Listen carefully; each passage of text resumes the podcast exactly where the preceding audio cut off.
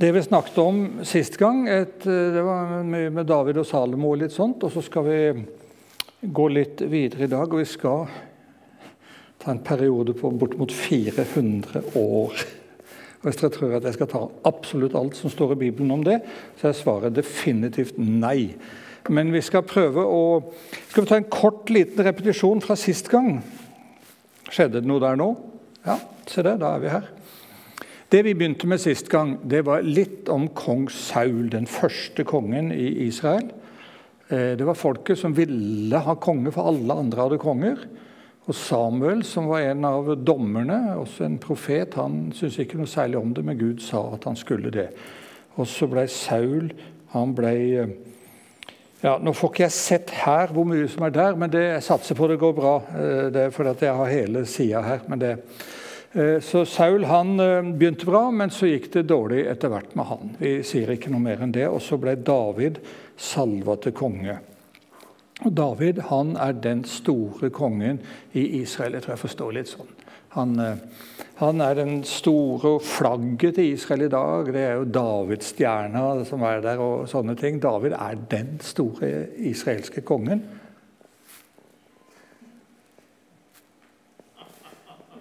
Det var det. Nå, det har vært tull hele tida med dette greiene her, hva som skjer og ikke skjer.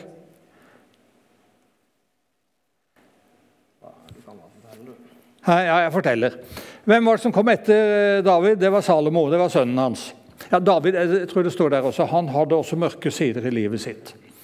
Og Én ting var den affæren med hun dama hun som heter Batseba, men det er mange andre ting. Han hadde mange kriger. og Vi skal ikke tro at David var en sånn snill kattepus. Det var han ikke. Han var en krigerkonge. Men, øh, og Israels rike ble veldig stort under Davids tid. Men David hadde også mørke sider i livet, men han hadde én egenskap som er godt for alle oss mennesker. Vi feiler, vi òg. Og det var at han innrømte, han bekjente sine feil og gikk til Gud med det og ba om tilgivelse. Han har skrevet mange av salmene i Salmenes bok. Nesten halvparten av de 175 salmene David skrevet. Og noen av de salmene går veldig på det, åssen han hadde det fælt da han gikk med dårlig samvittighet. Er det noen av dere som vet hva dårlig samvittighet er? Det var ingen som visste. Det er noen rare greier. Det er noe ekkelt å ha dårlig samvittighet. Det er det. Og det, David så gikk han, ba om, han om tilgivelse for det. Så fikk David en sønn. Han hadde mange sønner. En av de gjorde opprør mot han, men han fikk en sønn som heter Salomo. Som også ble en av de store kongene i Israel. Eh, og hans store livsverk det var å bygge tempelet. Det var å bygge tempelet i Jerusalem. Det flotte tempelet. Så her, veit du, tar vi sjansen. Her tar vi sjansen. Det var å, å, å bygge tempelet og Salomo han var også en veldig usedvanlig klok konge. Mange eksempler på det. Og Han har også skrevet den boka i Bibelen som vi kaller Ordspråkene. Og det står Han lagde 3000 ordspråk. står det. Eh, alle de er ikke samla i den boka, men det er det. Men han hadde også mørke sider i sitt liv. Han var altfor glad i damer. Han hadde 700 koner, står det, og 300 sånn ekstrakoner, skal vi bruke det ordet. Eh, det. Så Davids, nei, Salomos sin tid det er fredelig rike. Eh, det er det, men Sal, Salomo sjøl Vi veit egentlig ikke åssen det gikk med ham til slutt, men han skriver også en bok som vi kaller for Forkynneren. Eh, og der angrer han. Han sier hele livet mitt har bare vært tomhet. Og så gir han eh, ungdommen råd. Søk Gud mens du er ung, sier han. Han ser på livet sitt som, et, som om han var mislykka, faktisk. Eh, og Så dør Salomo, og så blir riket delt. og Så kommer det en kar som er Salomos sønn, som heter Rehabeam. Eh, og Han får et spørsmål fra de, særlig nord i riket, om de kan få slippe så mye skatt som de har betalt før. Fordi at eh, Det å bygge tempelet det var dyrt, det var med gull og sølv og alt mulig sånne ting. Eh, så spør de, særlig de i nord, om å få slippe lettere. Og så han Rehabaham han hører med rådgiverne sine, og de gamle sier det at ja, senk skattene. Og Så spør han de unge rådgiverne sine, så sier de kjøl dem enda hardere. sier de. Og så hører Rehabaham på de unge, og så kjører han folk i nord enda tøffere enn de hadde vært før. Og så sprekker riket. De danner et nytt rike oppe i nord. Vi kaller det for Nordriket, eller Israel blir det kalt. Eh, og Der ser dere kart over sånn omtrent som riket ble delt den gangen. Det i nord blir kalt for Israels rike, eller Nordriket. Og det i sør det blir kalt for Judariket. Og Det er det minste. Og det var bare to av Israels stammer som egentlig skulle ha det judariket. Pluss levittene, som var prester og litt sånt. De var i begge rikene. Eh, og så eh, Skal vi se her om vi, Der kom det, og de fikk en konge som heter Jeroboam i nord. Og det står om Jeroboam. Han gjorde det som var ondt i Herrens øyne, står det. Og så står det om alle kongene i Nordriket gjorde det som var ondt i Herrens øyne. Absolutt alle sammen. Ikke én god konge. Det var noen skal vi kalle det gode krigerkonger, vi kan bruke et sånt et ord kanskje, men ikke i forhold til det å følge Guds bud. Så gjorde de det som var ondt i Herrens øyne. Og Det står om veldig mange av de kongene i Nordrike at de fulgte Jeroboams og gjorde Jeroboams gjerninger. Han satte standarden. Han bygde nye gudebilder, nye altere, for de hadde ikke Jerusalem. Hvis dere ser der, så ser dere Jerusalem ligger i Sørriket. Og de hadde ikke tempelet i Nordriket. Og så bygger Jeroboam, første kongen, altså opp nye templer og nye gudebilder og nye altre og alt det greiene her. Og det blir faktisk jeg vil kalle det hedensk rike. Vi kan bruke et sånt et ord. Og En av profetene som vi møter i Bibelen, profeten Elia, han har et forferdelig oppgjør med en av den, den verste Det står det. Den verste av alle de 18 dårlige kongene, det er han som vi kaller for Akab står vi i første kongebok kapittel 16, 17, 18 osv. utover der, om det oppgjøret som eh, profeten Elia hadde med Akab. Husker noen av dere det var da de skulle lage sånn offerplasser oppe på Karmelfjellet? Så skulle de ikke tenne på det offerben og det greiene der. Skulle se hvem som kunne få det til å brenne uten å gjøre det. Og de Baal-profetene, de hedenske profetene, de prøvde hele dagen og ingenting. Og så sier Elia fyll vann på, fyll vann på, mer vann, så veden blir skikkelig rå. Og så ber han til Gud, og så slår flammen ned. Og så Det blir det oppgjøret. Det er for å utrydde den hedenske eh, gudsdyrkelsen som var i Nordriket under Akabs tid. Det rike Nordriket gikk under i år 722 fra sånn ca. år 900.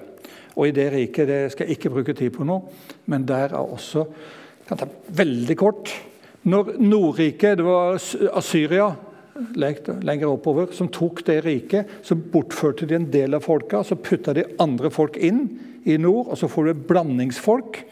Og Det er de som vi møter bl.a. i Nytestamentet, som blir kalt for samaritanere. Og Jødene den gangen de aksepterte ikke samaritanerne, for de hadde, det var blandingsfolk, men det var også en blandingsreligion. Litt jødedom, litt asyrisk religion og litt andre religioner.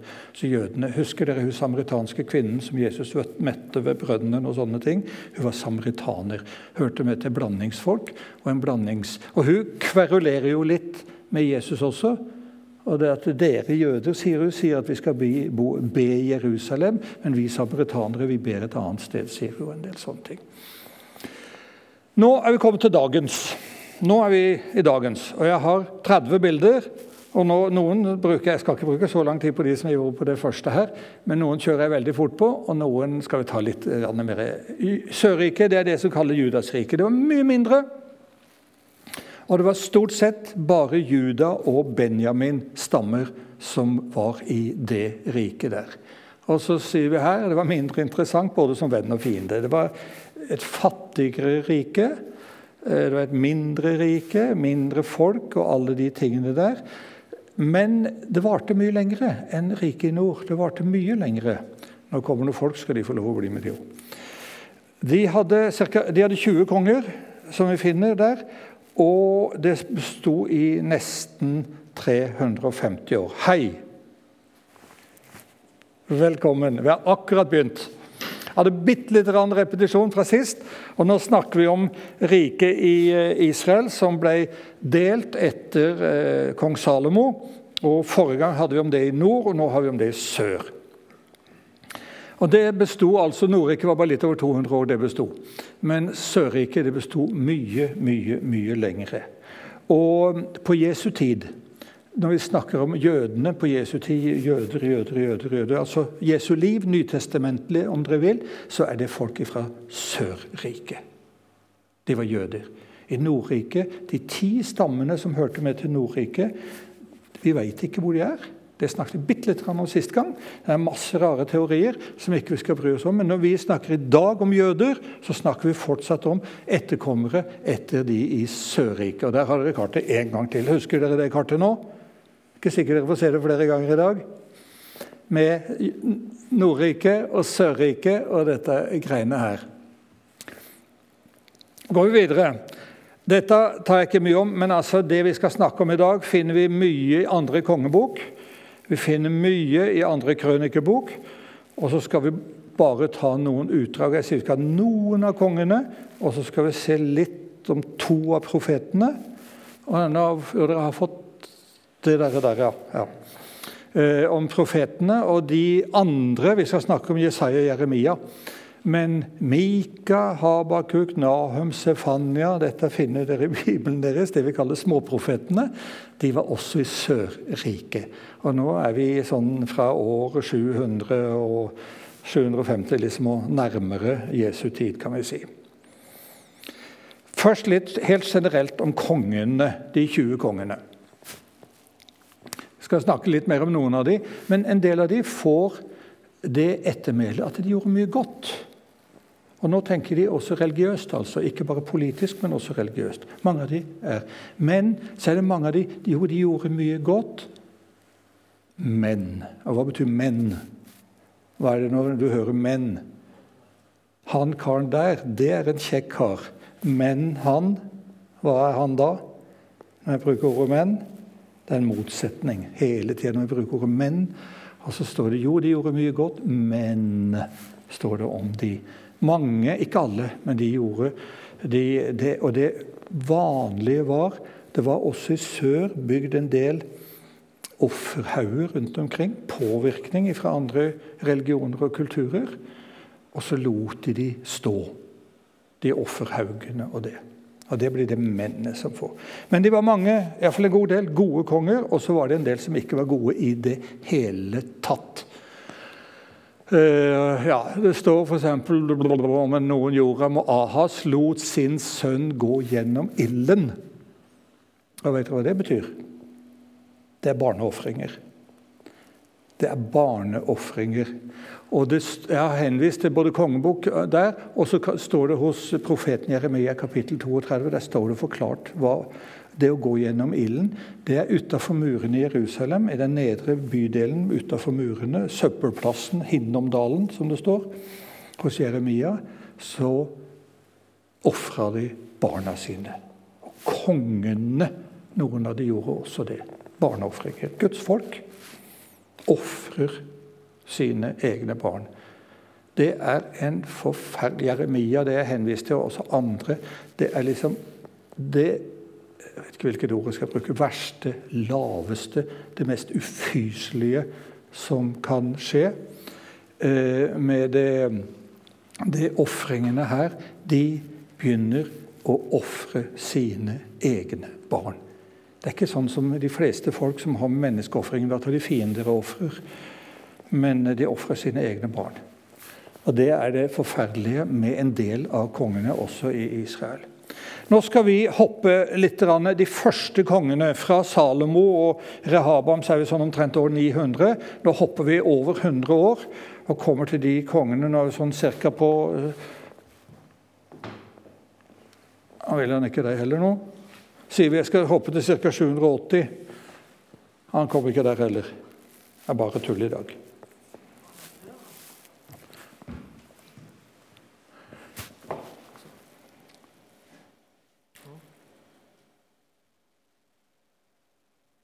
Der kommer, ok, ja, Da hopper vi der. Uh, nei, det gjorde den ikke. Jeg tror det er litt bedre for dere å se litt og ikke bare se meg og høre meg. Er det ikke det?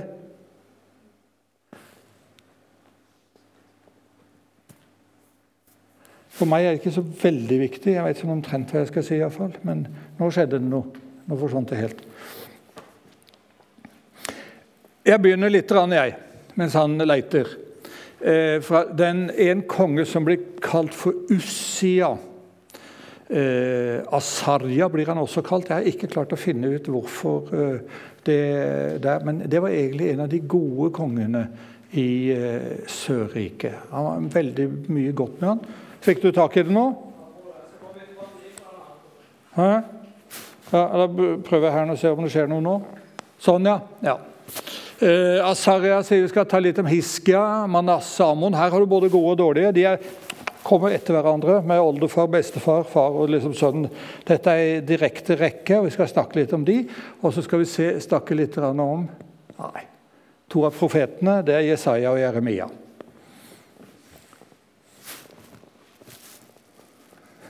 Jeg vil ikke si, jeg bodde i Etiopia mange år. Jeg vil ikke si hva etioperne hadde sagt. for noe om dette her. Det er ingen land i verden som har så mange flotte skjellsord som etioperne. Skjer det noe nå? Nei. Vi begynner litt om Usia. Han var en god konge. Han regjerte over 50 år. Det er lenge, det.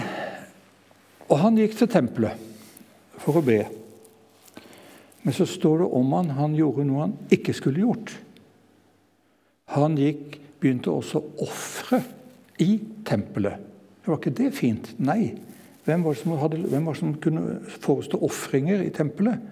Det var bare prestene. Og prestene de var av den stammen som heter Levi stamme. Og så går Usia han går til tempelet. Det er fint. Han ville be til Gud og følge det.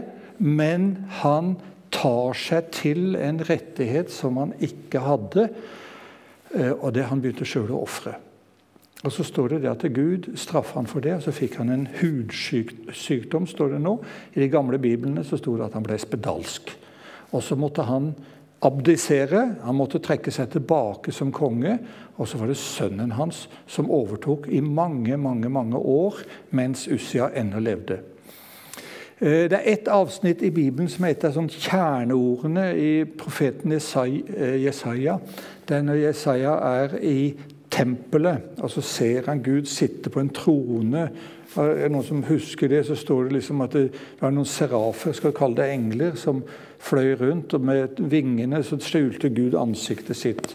Og Det er når profeten Jesaja får kallet, det i kapittel 6, dette. Og Det skjedde i det året når kong Ussia døde, står det.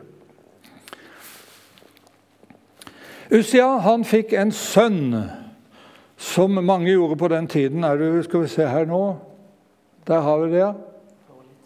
Ja. Eh, ja Skal vi se om det skjer noe nå.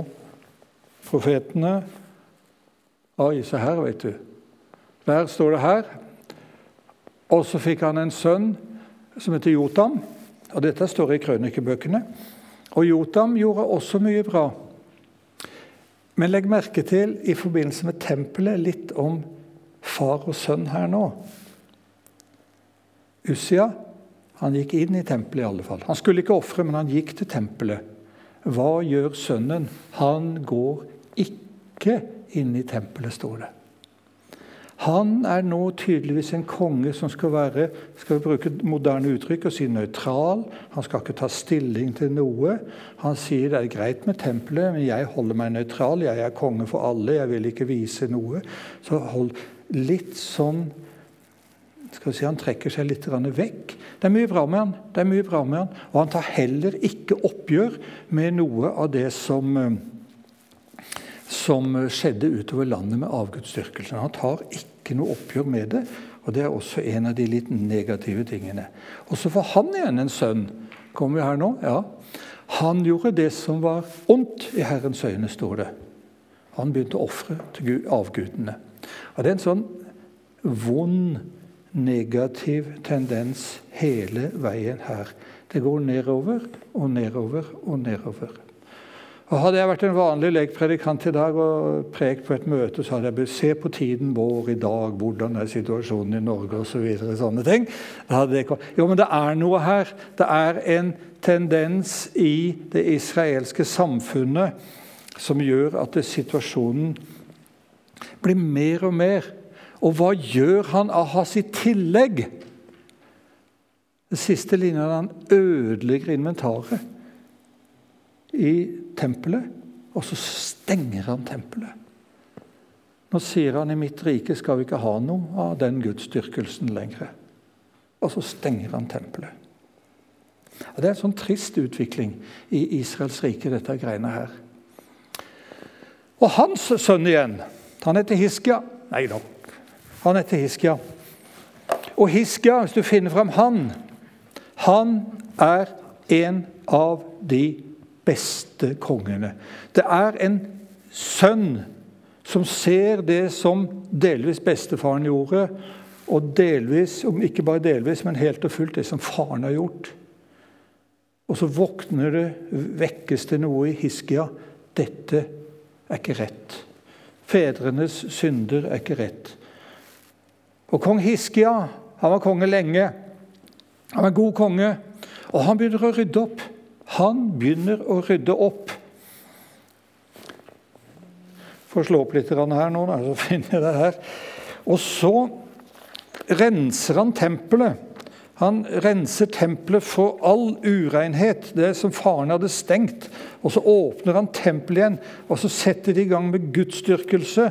Og så begynner de å tilbe Gud igjen i tempelet der i Jerusalem. Og så sier Hiskia Snart kommet? Ja. Så sier Hiskia vi skal ikke bare åpne tempelet, men det er en høytid vi skal feire. Ja, ned lovfraune, det var det jeg sa. Ja, kobberslangen også. Den, Husker dere den fra ørkenen fra Moses' i tid? Den hadde jødene tatt med seg inn i landet, og den var nå i Sørriket. Og den hadde gjennom flere generasjoner blitt tilbedt. Altså Det er en avgud, nesten sånn som gullkalven i Egypt, kobberslangen som den gangen frelste folket fra de giftige slangene. Og Så begynner folk og så ber de til slangen, kobberslangen. Så sier Hiskia at dette er avgudsdyrkelse. Og så ødelegger han kobberslangen fordi folk misbrukte De kunne gjerne ære han. Det er ikke noe gærent å ære den som berga folket en gang. Men tilbedelse av kobberslangen sier han, det er en forferdelig uting. Og så ødelegger han den også. Og Så fikk han i gang tempeltjenesten, ja. Og så neste. Du får trykke en du og se om du har bedre fingre enn meg til dette. Og så sier han om vi begynner å feire påske. Påske! Og så Der har du fått det, ja. I kapittel 30 der så, så sier Hiskia Påsken har jo ikke vært feira. Så sjekker de. Og de hadde ikke feira påske. Påske, hva var det? Utgangen fra Egypt? Det var under Moses, da de ble frelst fra egypterne. Og så står det at de hadde ikke feira påske siden Salomos i tid. Nesten 200 år hadde ikke jødene feira påske. Nå feirer de hvert eneste år. Men de gjorde ikke det heller. Det er en forfallstid som Hiskia nå prøver å rydde opp i. Og så inviterer de det er ennå mens Nordriket eksisterer, dette, så inviterer de folk opp i Nordriket til å komme ned til Jerusalem og være med. Om de kunne få noe felles. Vi er ett folk. Og så kom her og feire påske. Og så kom det mange fra Nordriket. Alle ville ikke, men det kom mange. Så, og så hadde de feir, og så var det kjempefest i Jerusalem. For endelig får de i gang igjen. Og så gjør de en skal vi kalle det, ny pakt med Gud. En ny avtale og begynne på nytt igjen. Tilgi alt det de sjøl har gjort, få for tilgivelse for det. Be Gud om å Kan vi få begynne på nytt? Tempelet er åpna, tempelet er rensa, tempelet er gjort i stand. Nå har vi til og med feira påske, og alle hjerter gleder seg å begynne på nytt igjen. Får de lov til å begynne på nytt? Ja. Og så gjør de det. Og så er det Hiske. Han var konge lenge, han var konge over 50 år. Men jeg liksom kikker litt hva det skal vi se, det er påsken, ja. Og så er det reformen med ny pakten, ja. ja Er det sånn, er det noen av dere som har vært i Israel? I Jerusalem. Hvor mange av dere har gått den der vanntunnelen? Er det noen av dere som har gjort det? To stykker. Hvem var det som fikk laga den tunnelen? Det var Hiskia. Kong Hiskia, den kongen her. Jerusalem hadde ikke vann. De hadde bare vann på utsida av bymurene. Og Hvis det kom en fiende og beleira byen, da var de ferdig, nesten. Og så satte de seg til å hogge gjennom fjellet ifra den, De forsegla den kilden på utsida av muren. og så dunk, dunk, dunk gjennom hele greiene, fjellet. Og helt nederst innenfor murene der som, hadde de en dam som de kalte for Siloa-dammen. Og så hogde de en tunnel på 500 meter omtrent som leda vannet inn. og Så var de berga, og så hadde de tunnel. Den. Jeg skal, eh, Drottningborg-elevene skal til Israel igjen i vinterferien. Det har vært mange ganger. Og så, Det er bl.a. en av tingene de skal gå gjennom Hisketunnelen. Har du fått opp bilde med det? Det er noen som er inne, inne i tunnelen her. Nei, samme det. Og så er det funnet et lite bilde til jeg har her. Så fant de, Det bare to-tre år siden, utgravinger i Jerusalem. Så finner de en liten sak, den omtrent på størrelse med det der hølet der. Eh, en liten, Det er ikke mynt, men det er et seil. Altså kongens seil. Og det er Hiskia sitt seil, som han var viktig brev når de skulle forsegle det med et eller annet. Og så trykte de ned kongens stempel, der brukte jeg ordet, som ingen måtte bryte. Det fant de for to-tre år siden under utgravinger like utenfor muren i Jerusalem med kong Hiskia sitt seil. Jeg har sett det, var litt artig å se det. Og det er altså 2700 år gammelt de fant nå. Nå får vi gå videre. Ja, Etter kong Hiskia Nå skulle jeg nesten kikke at jeg ikke hopper for mye nå. Har du fått opp noe nå der det står det er trist når barna ikke følger foreldrene? eller noe sånt nå? Ikke det? Nei. Men er det trist da, når barna ikke følger foreldrenes tro?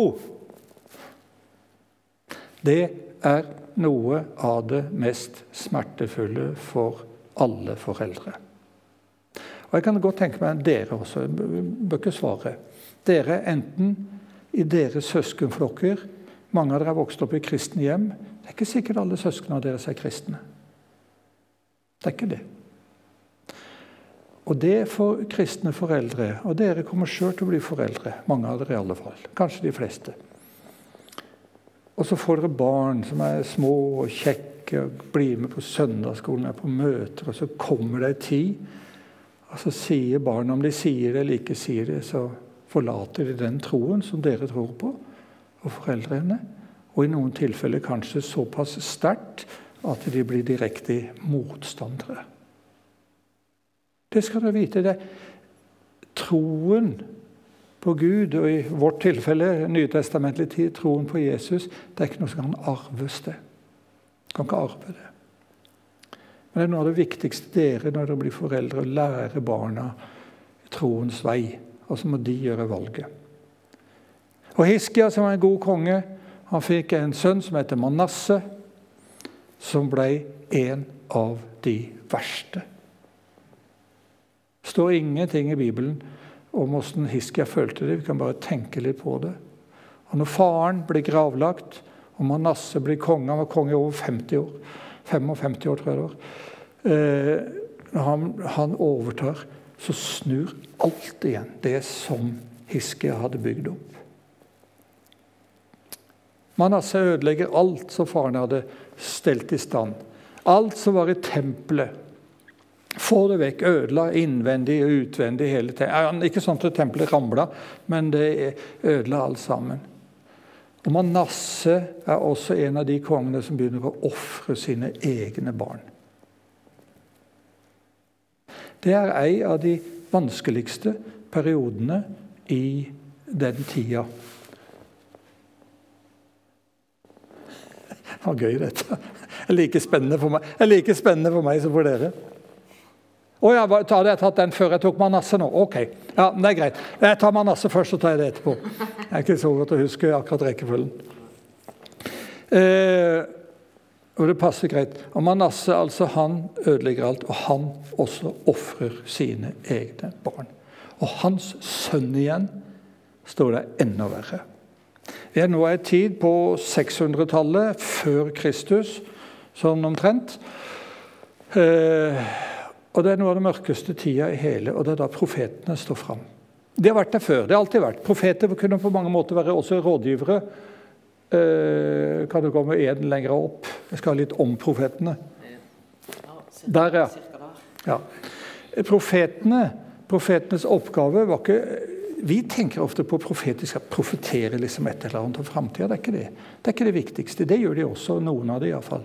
Det viktigste for profetene den gangen, det viktigste for profetene i dag, det er å forkynne Guds ord inn i sin samtid. Å gjenreise det som nå var ødelagt. Nå kan vi tenke på Manasses i tid. Det var også før og etter Manasses i tid. Tale kongen imot og si Guds ord sier sånn og sånn og sånn og sånn. Og sånn og sånn. Og så. Og det ene går på det moralske, det personlige. Bekjenne sine synder, gjøre opp sin sak med Gud, be om tilgivelse. Det er en profets oppgave å forkynne eh, dom og frelse. Ikke bare dom, men dom og frelse. Og så er det også for profetenes oppgave å forkynne samfunnets moral. Rettferdighet i samfunnet. I dag er det så mye snakk om korrupsjon og liksom sånne ting. og Det er nå én ting, men eh, alt er urettferdig i samfunnet. Og det er lov. og det er noen som, Nå hopper jeg litt ut av dette.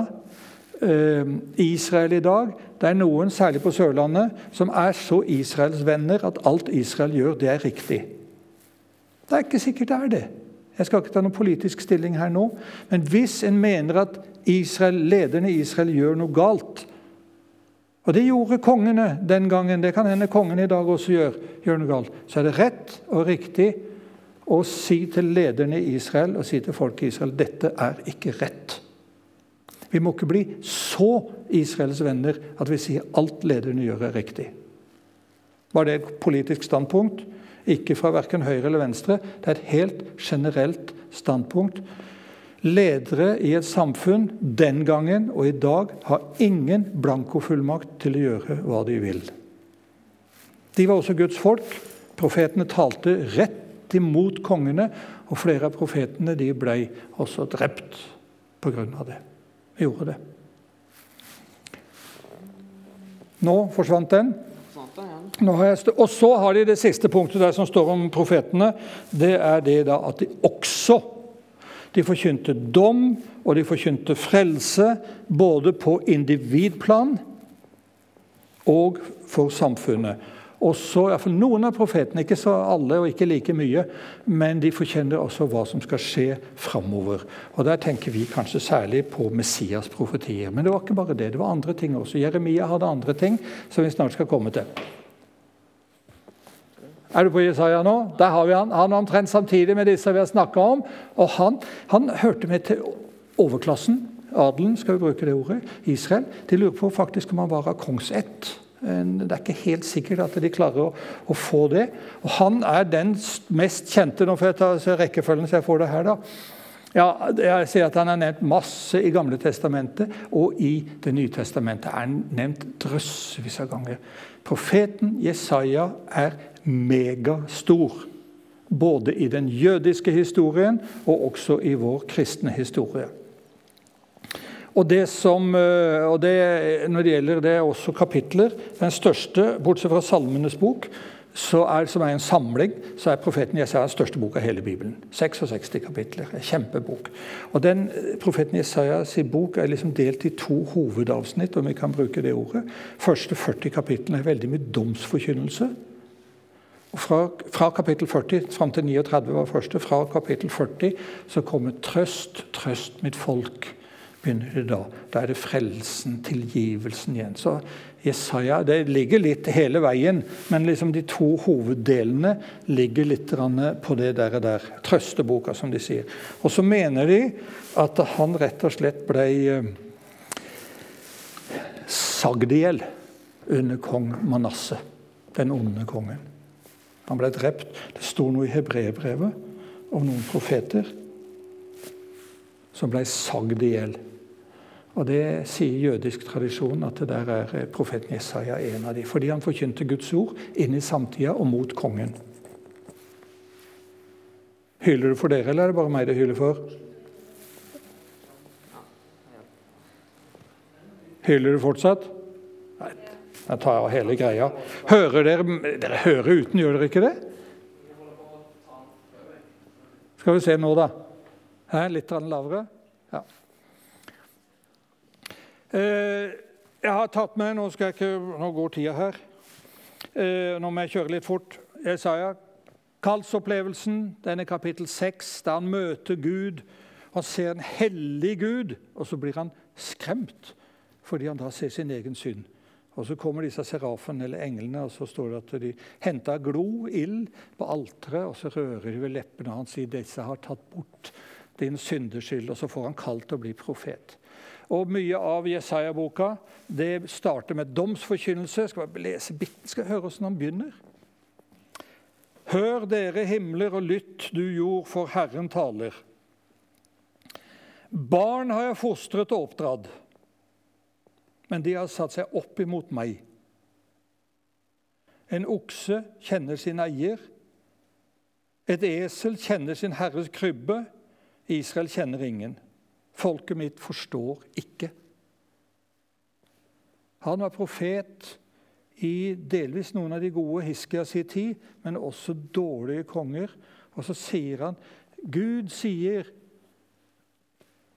at jeg har fostra og oppdratt barn, men de har satt seg opp imot meg. akkurat det der. Ikke bare kongssønnene, hele folket. Israel skjønner ingenting, sier han. Men eselet og oksene, de veit hvem som er herre for seg. Og Israel kjenner ingen. Og Så kommer det en del og så videre, mye utover her med domsforkynnelse, men så forkynner også profeten Jesaja frelse. Og Det er noe av hovedinnholdet i boka hans framover, og særlig da fra kapittel 40. Så har jeg tatt opp noen her. Ja, det er neste bilde.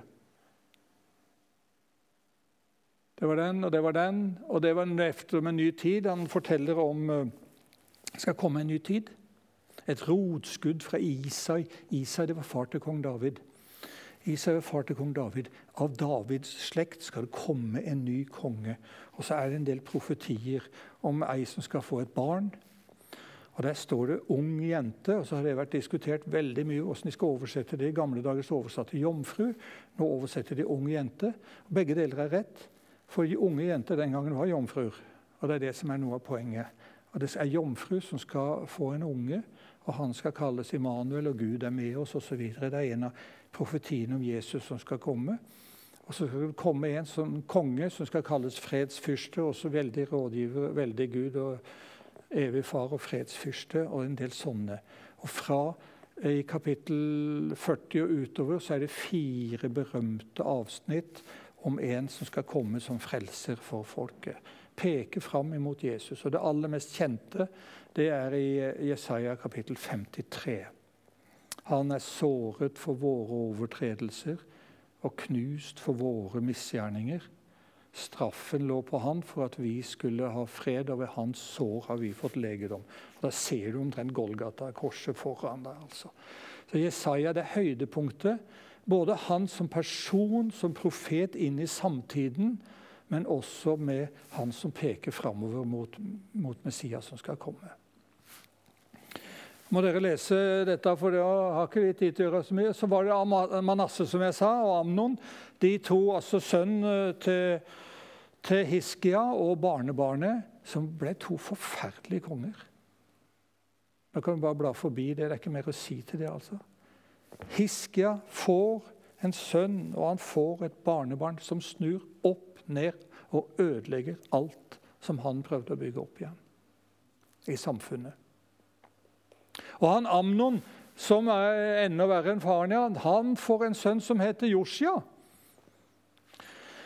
Og Josia står det her hvor gammel var han da han ble konge. Faren levde bare i to år. Han Amnon øh, han var konge i to år. Han var folket så sint på at de tok livet av han. De tok livet av han, Så ung var han. De tok livet av han.